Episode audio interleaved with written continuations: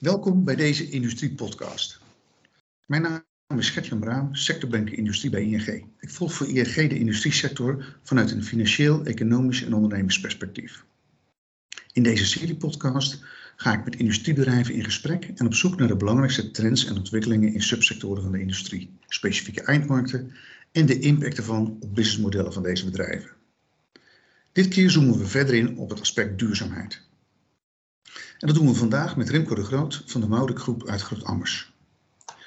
Maurik is een onderneming die totaaloplossingen levert voor infrastructurele projecten en een toonaangevende innovatieve aannemer is op het gebied van industriële installatie en procestechniek. Denk daarbij aan mechanisch, reiniging, maar ook maatwerk, processystemen en onderhoud, waarbij het maximaliseren van de uptime van fabrieken en raffinaderijen het uitgangspunt is. En duurzaamheid is hierin een belangrijk aspect en de rode draad van het gesprek vandaag. Welkom Remco. Hallo Gertjan, wat leuk uh, dat ik vandaag bij mag zijn en uh, hallo luisteraars. Ja, nou leuk dat we dit doen. Remco, kun je in aanvulling op mijn korte introductie in de kern aangeven waar Maurik als onderneming voor staat? Nou ja, Maurik is familiebedrijf. Dat zijn we al uh, heel lang, bijna 100 jaar. Ehm, en, uh, en wij, wij zeggen altijd gekscherend, Maurik, uh, de mensen maken Maurik. Ehm, ja, en, en, en wij zijn derde generatie familiebedrijf die, uh, die uit de, de polder hier komt. Dus we zijn, we zijn groot geworden door normaal te doen. Mooi. En um, voor, voor, deze industriepodcast uh, wil ik met name even focussen op, uh, op Maurik en, uh, en, en, industrie. hoe positioneert uh, Maurik Industrie zich? Wat is jullie aanpak in marktbewerking?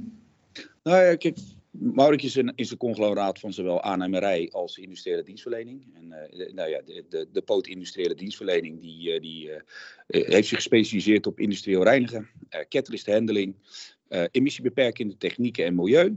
Um, we doen daarnaast diverse diensten op, voor grote olie- en gaschemiereuzen. Um, en we zijn, we zijn al denk ik zo'n 70 jaar aanwezig in de, in de Europort. Ja, ja. En, en, en, is er nog een verschil in aanpak uh, met infra en industrie en een ander bedieningsmodel naar eindklanten? Nou, als je kijkt naar de infrastructurele werken, de, uh, dat is bijna allemaal overheid gerelateerd. Ik denk dat 99% van, van onze tijd uh, voor de overheden werken. Ja, en als je, als je kijkt naar naar de, de, industrie, dat is eigenlijk alleen maar private markt. Ja. En kan je wat meer vertellen over jouw huidige rol en de ambities van Maurik? Ja, nou, mijn huidige rol is, ik, ik zit in de raad van bestuur, Maurik. Ik doe dat samen met de CEO, uh, Kees-Jan Maurik. Uh, dat is derde generatie. Uh, is ook eigenaar van Maurik samen met zijn zus. Um, we hebben samen de, eigenlijk de totale werklast verdeeld. Hij is alles naar buiten, ik alles naar binnen. Hij is CEO, ik CFO. En we delen eigenlijk de COO-rol. Uh, wij sturen de divisiedirecties aan. Uh, de, de, diverse divisiepoten hebben een eigen directie. en, en dat doen we allemaal gezamenlijk. Ja, en, en de ambities van Maurik voor de korte en middellange termijn? Ja, Maurik heeft net zijn, zijn vijfjarige strategie weer eens een keertje geüpdate. Um, daarin hebben we drie uh, sectoren gedefinieerd waarop wij ons uh, willen onderscheiden. Um, dat is uh, energie, en dat is een brede woord, zowel de transitie als, als alles wat daaromheen zit. watermanagement hebben wij mm. gedefinieerd en mobiliteit. Oké. Okay. En, en nou, zoals ik al aangaf, hè, we focussen op duurzaamheid. De, zonder meer een, een, heel belangrijk thema in de industrie. Dat was al een, behoorlijk sterke trend. Maar zeker uh, gezien het, het Fit for 55 beleid en het IPCC-rapport van afgelopen zomer staat het echt stijf bovenaan aan de agenda's. En als we dan naar de industrie kijken, dan kijken we heel vaak naar, naar twee, twee items. Dat aan de ene kant energietransitie en aan de andere kant uh, uh, circulair produceren. Je gaf het net al aan uh, in, je antwoord, maar hoe, hoe spelen jullie op deze trends in? Met, met welke producten, met welke diensten? Nou, wij, wij, voor ons is het, is het niet zo'n nieuw fenomeen. Wij zijn al sinds de jaren tachtig bezig met het milieu. Hè. We hebben milieudiensten, was een van de dingen waar wij groot mee zijn geworden. In, in, in 19 80 hebben wij de Gifwijk in uh, Lekkerkerk hebben wij opgeruimd. Uh, wat recenter hebben we de Temfort-site helemaal gesaneerd in Zeeland, wat een, uh, wat een zeer complex werk was. Um, ja, bij ons is dat eigenlijk aan de orde van de dag. dus het hele circulair denken, het hele milieudenken, is, zit er bij ons al met de paplepel ingegoten. Ja, en, en, en met betrekking tot de energietransitie? Nou, dat zie je de, daar zie je de laatste tijd zie je daar veel uh, in terugkomen. De, bijna iedereen is er wel mee bezig. Hè. Dat is uh, aan de orde van de dag. Uh, hoge gasprijzen, beperking in, in, in het noorden van Nederland. Ja, dat raakt ons dus ook. En, en, wij hebben al in 2009 ingezet op het omzetten van plastic naar olie. Dus het hele circulaire gedachte. En als je gaat kijken naar um, de energietransitie zelf. Ja, wij, wij zijn al jaren en dag bezig om daar een, een grote speler in te zijn. Nou, de, de plastic naar oliefabriek die we recentelijk hebben gelanceerd is daar een heel goed voorbeeld van. Ja, want dat, dat is volgens mij mijn volgende vraag. Hè? Dus innovatie uh, heel, is heel belangrijk uh, om, om, verduurzaming verder te brengen. Ja. Uh, jullie ontwikkelen sterk in duurzaamheid en circulariteit. Onder meer door, ehm, door in plastic recycling een technische enorme stap te zetten met pyrolyse. Dat is het, het, chemische, het chemisch recyclen. En daarvoor hebben jullie de, de Blue Alp onderneming opgezet. Ehm, kan je daar wat meer over vertellen? Ja, nou, in, in 2009 zijn wij in de firma Petergas gestapt. Die, die had toenmalig een, een assistentie verleend op het procedé om plastic om te zetten in olie. Uh, de gedachte in 2009 was dat, dat we van end-of-life plastics uh, zouden wij diesel gaan maken, eigenlijk brandstof. Mm -hmm. Ja, je ziet dat twee, drie jaar geleden, toen wij heel veel research en development hadden gedaan, is dat die mar het marktsentiment is veranderd van joh, we maken maar brandstof voor, van naar wat, een, wat, wat eigenlijk een afvalstof is, want je gaat ja. een tijd branden in het milieu brengen. Naar, ja, misschien moeten we met die olie iets anders gaan doen eh, eh, eh en maken pyrolyseolie van. En als je pyrolyseolie hebt, die kan direct de kraken in bij de grote oliegiganten en dan kun je er weer plastic van maken. Dus van end-of-life plastics maak je weer eigenlijk renewable plastic. Um, Oké, okay. dus renewable plastic, ik las ook iets als basisgrondstof voor chemicaliën. Ja, dus, kijk, die, die pyrolyseolie, die, die feitelijk wordt die gewonnen uit, uit die end-of-life plastics. Uh, daar, daar, daar, kun je door wat parameters te zetten, kun je daar verschillende eindproducten van maken. Maar mm. gaan maken, is het eigenlijk direct de feeder voor de, voor de kraker. En kunnen grote oliegiganten uit die feedstock, uh, in plaats van ruwe olie uit, uh, uit de grond, kunnen ze met die pyrolyseolie weer allerlei verschillende chemicaliën maken. Waaronder plastic als, als voornaamste toepassing. Ja, ja oké. En wat, uh, wat, wat is, hoe kijken jullie naar de korte termijn? Wat zijn de vooruitzichten aan, op dit vlak, waar we het nu net over hebben? En waar liggen dan nog meer kansen? Nou, die, die markt is natuurlijk is, die is, uh, die is heel bijzonder. Hè? De, uh, als je twee jaar geleden nog dacht over, joh, we gaan, uh, we gaan nog steeds brandstof van maken. En nu zeg je, we zitten op een circulair product. Dat komt omdat de markt en de, de, de eindconsument veranderd is. als je tien jaar geleden even de klok terugspoelen, denk dat de gemiddelde consument, die had niet in zijn hoofd van, joh, we moeten volledig circulair zijn. Natuurlijk, iedereen was bezig en milieubewust, maar was het handelen nou ook echt milieubewust? Nou, de laatste twee jaar zie ik wel echt handelen van de eindconsument ja. op het gebied van milieubewustheid. Dat betekent dat er een enorme markt aan het ontstaan is. Je ziet dat mensen die, of bedrijven die leveren aan consumenten, heel erg bezig zijn met uh, de gunst van de, van de consument krijgen op het gebied van, uh, van, van circulariteit. Ja. Nou, dat dus door in de industrie die daaraan toelevert, dat zijn de grote oliegiganten. Ja, betekent dat als je nu gaat kijken dat er voor 2025 ligt er een markt van 5 miljoen kiloton aan recyclable plastic. Er is op dit moment bijna niets. Kijk eens, dus dat zijn, dat zijn, behoorlijke, dat zijn behoorlijke ambities als ik het, als ik het zo hoor.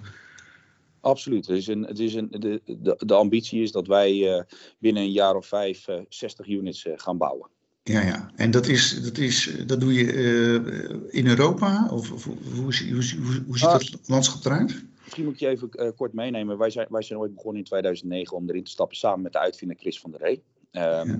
We hebben langer over gedaan om een uh, partnership op te tuigen. Je, uh, je ziet dat samenwerken is toch aan de orde van de dag tegenwoordig. Dat is toch wel het nieuwe uh, businessdenken. Ja. En in 2018 zijn we in contact gekomen met de firma Renassi, die een afvalverwerkingsunit had en graag haar end-of-life plastics om wilde zetten in, in, een, in, een product wat nog bruikbaar was, een circulair product. Ja. Wij hadden weinig verstand van de, van de brandstoffenmarkt. Hebben wij uit, hier uit de buurt hebben wij de brandstofverhandelaar Den Hartog erbij gevraagd. En uiteindelijk waren met eh, vier partijen, de uitvinder, Nassi, Den Hartog en wij.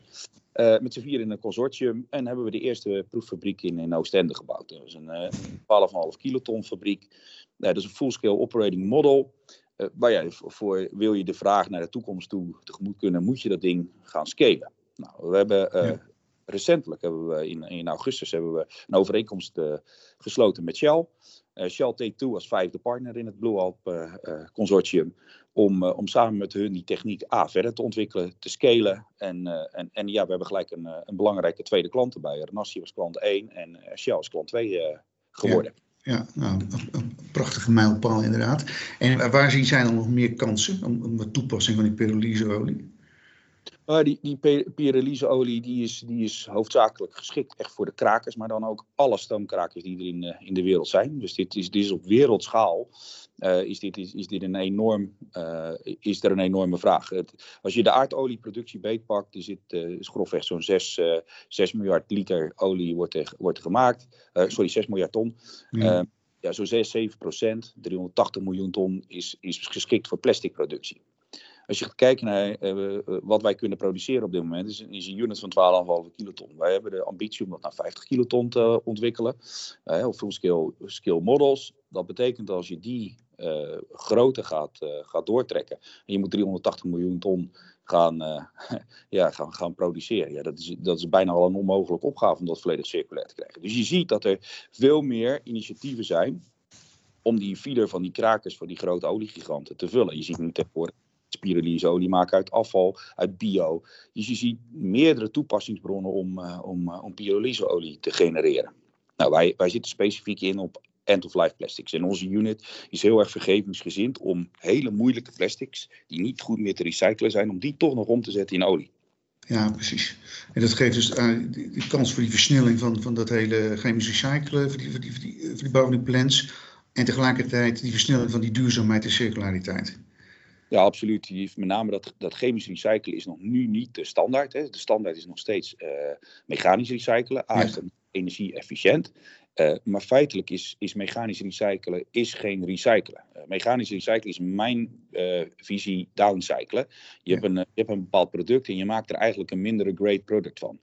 de energiebalans is wel heel mooi, dus het is vrij efficiënt. Ja. Maar product. Als je chemisch gaat recyclen, dan maak je weer, eh, breng je terug in zijn oervorm, waardoor je het weer volledig op hetzelfde niveau kan recyclen. Dat is eigenlijk van Zonder mij... verlies eigenlijk. Precies. Alleen, alleen de energiebalans is op dit moment nog vrij inefficiënt. Uh, onze unit die heeft diverse mogelijkheden om de verwarming van de plastics, om die, hè, die uiteindelijk weer te smelten, om dat ook weer met allerlei regeneratieve trajecten doen. Bijvoorbeeld met stoom, terugwinning van warmte. Uh, daar hebben we allemaal al over nagedacht. En ook in versies 2 en 3 gaan we dat, dat implementeren. Ja, dus daar ligt ook nog een grote winst, laat maar zo zeggen, een energiewinst in, in, de, in, de, in, de, in het produceren, in de productiefase. Absoluut. Ja, onze brander die de plastics eh, smelt, die is bijvoorbeeld geschikt om zowel gas wat terug, vrijkomt uit het proces, aardgas, maar kan ook stoom aan en zou ook zelfs op elektriciteit kunnen draaien. Ja, ja oké. En, en, en, je stipt het geloof ik al eventjes aan, maar als je even door de bank genomen kijkt, um, hoe verandert uh, en, in wat voor, in wat voor tempo verandert het gedrag en, uh, van de vraag bij op, opdrachtgevers als je, als je kijkt naar duurzaamheid? Een enorme versnelling, Jan. Het is, de afgelopen twee jaar uh, is het op iedereen's lippen. Uh, het is, maar het gaat, ontgaat ook niemand. Als je, je hoeft maar een krant of, een, een, een app open te slaan. Je ziet tegenwoordig dat op elke pagina staat eigenlijk wel weer energietransitie, verduurzaming en circulariteit. En ik, ik kan me goed herinneren dat het een jaar of vijf, omdat wij er zo nauw bij betrokken waren, was dit gewoon niet zo. Dus het is een enorme stroomversnelling gekomen. We zien het ook in aanbestedingen bij de overheid. Tegenwoordig een license to operate. Wil je, wil je kunnen aanbieden, dan moet je daar gehoor aan geven. En ik zie dat dus ook in de industrie steeds vaker naar voren komen. De, wil je inschrijven op een opdracht, ja, dan zul je daar toch eh, goed aandacht moeten geven. En je moet gewoon adresseren. Het, is, niet meer, het is niet meer, joh, uh, hoe gaan we het doen? Dus je, je moet het gewoon doen en, en doe het maar op je best. Ja, dus dat wordt ook meegenomen in, in, de, in, in de vraag bij, bij, bij opdrachten. Absoluut. Ja, mooi. En, en um, waar zie jij, waar zie, liggen voor, voor jullie nou uh, de grootste drempels? Hè? Welke weerstanden moeten jullie nog overwinnen? In het uh, hele Pyralyse-spel? Ja. Of... Nou, de, kijk, je, je, wij zijn een bedrijf wat, wat, wat uh, heel lang alles zelf heeft gedaan. Nou, recentelijk zijn we in die partnerships gestapt. Hè. Vanaf, vanaf 2018 zien wij dat, dat je kan niet alles meer zelf doen. Je kan niet meer um, je kan het niet meer allemaal alleen. dat, dat geeft heel veel versnelling. Maar tegelijkertijd natuurlijk ook drempels. Je moet heel veel aandacht aan je partner schenken om, om er een succes van te maken. Je moet daar veel, veel tijd en aandacht in stoppen. Daarnaast, de markt is nog niet gewend aan die Pirelli-olie. Het is wel een enorme vraag. Maar er is nog niks. Dus het is echt helemaal, ja, het is een soort van cowboy uh, Wild West wereldje. Ehm, er is niks geregeld. Er zijn weinig, op dit moment weinig regels vanuit de overheid die hierop ingaan. Dat moet allemaal nog gevormd worden. Dat, dat zou best nog wel een, een aardige hobbel kunnen worden. Met name ook uh, ja, rondom milieuvergunningen. Van als je zo'n fabriek gaat neerzetten. Uh, ja, het is ook wel onbekend maakt onbemind. Ja, precies. En, is, er, is er volgens jullie dan ook, ook nog meer of andersoortig uh, overheidsbeleid nodig om dat, om dat te structureren en, en, en, en meer snelheid te maken? In, in, in mijn visie is, is de huidige overheidsbeleid, hè, en dat geeft ze weerslag dan bijvoorbeeld in de uh, opzetten als een, uh, een, investeringsclub als InvestNL en het, uh, en het hebben van een innovatiebox. Ja, die zijn op dit moment eigenlijk ingeregeld op basis van een juiste besteding van middelen. De overheid die, die, die wil vooral haar bestedingen goed doen.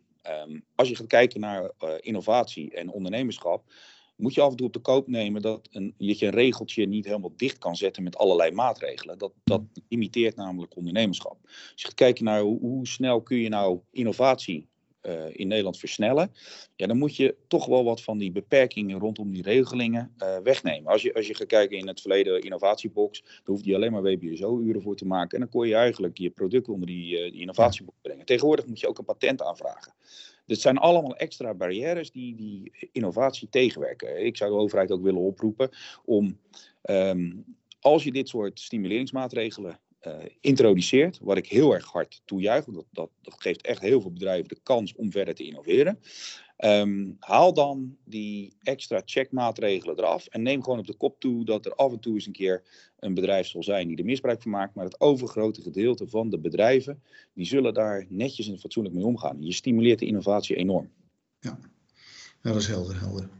Um, um, wat, wat voor veranderingen zie je uh, nou ja, naast die duurzaamheidstrend nog uh, in eindmarkten en, en in jullie supply chain? Kunnen kunnen die, kunnen die daarin mee? Weet je, ik denk dat die, dat vooral in die integratie tussen die verschillende partijen, het, het, omgaan als een soort van organisme tussen de verschillende bedrijven, dat daar nog wel een, een, hele hoop is te winnen. We zijn toch met z'n allen, uh, als, je, als je in een bedrijf zit, je bent toch altijd wel, nou ja, wat angstig voor je concurrenten. Je kijkt goed uh, uit naar je leveranciers en je eindklanten. Als je wat meer vertrouwen aan de dag zou leggen tussen de verschillende partijen, dan denk ik dat je veel sneller progressie kan maken. Dus het werken aan onderling vertrouwen en dat ook niet beschamen, dat is wel een heel belangrijk ding om innovatie te kunnen versnellen. Ja, ja dat, is, is inderdaad een, een veelgehoorde, veelgehoorde oproep. En uh, de partijen die het doen, die, uh, die maken snelheid en die zetten, die grote stappen. Ja. Um, tot slot, welke tips zou jij, zou voor ondernemers hebben in de industrie die de eerste stappen gaan zetten in die, uh, op duurzaamheidsgebied en circulariteit? En waar moeten ze volgens jou bijvoorbeeld nou ja, morgen mee aan de slag?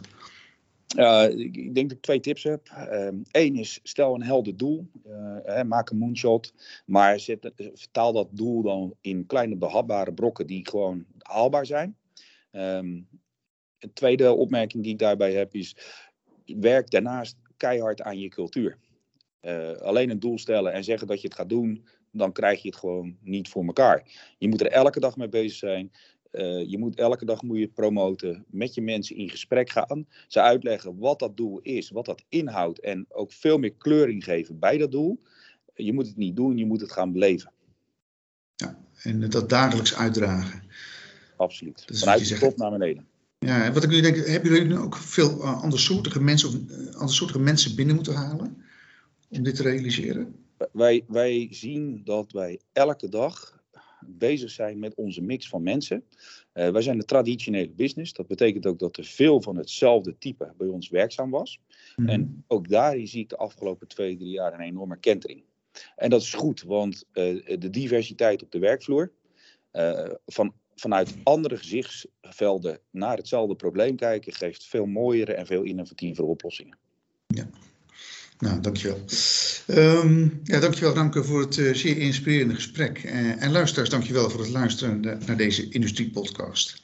Meer informatie over Maurik is te vinden op maurik.com. En meer informatie en achtergrond bij de industrie is te vinden op ing.nl industrie.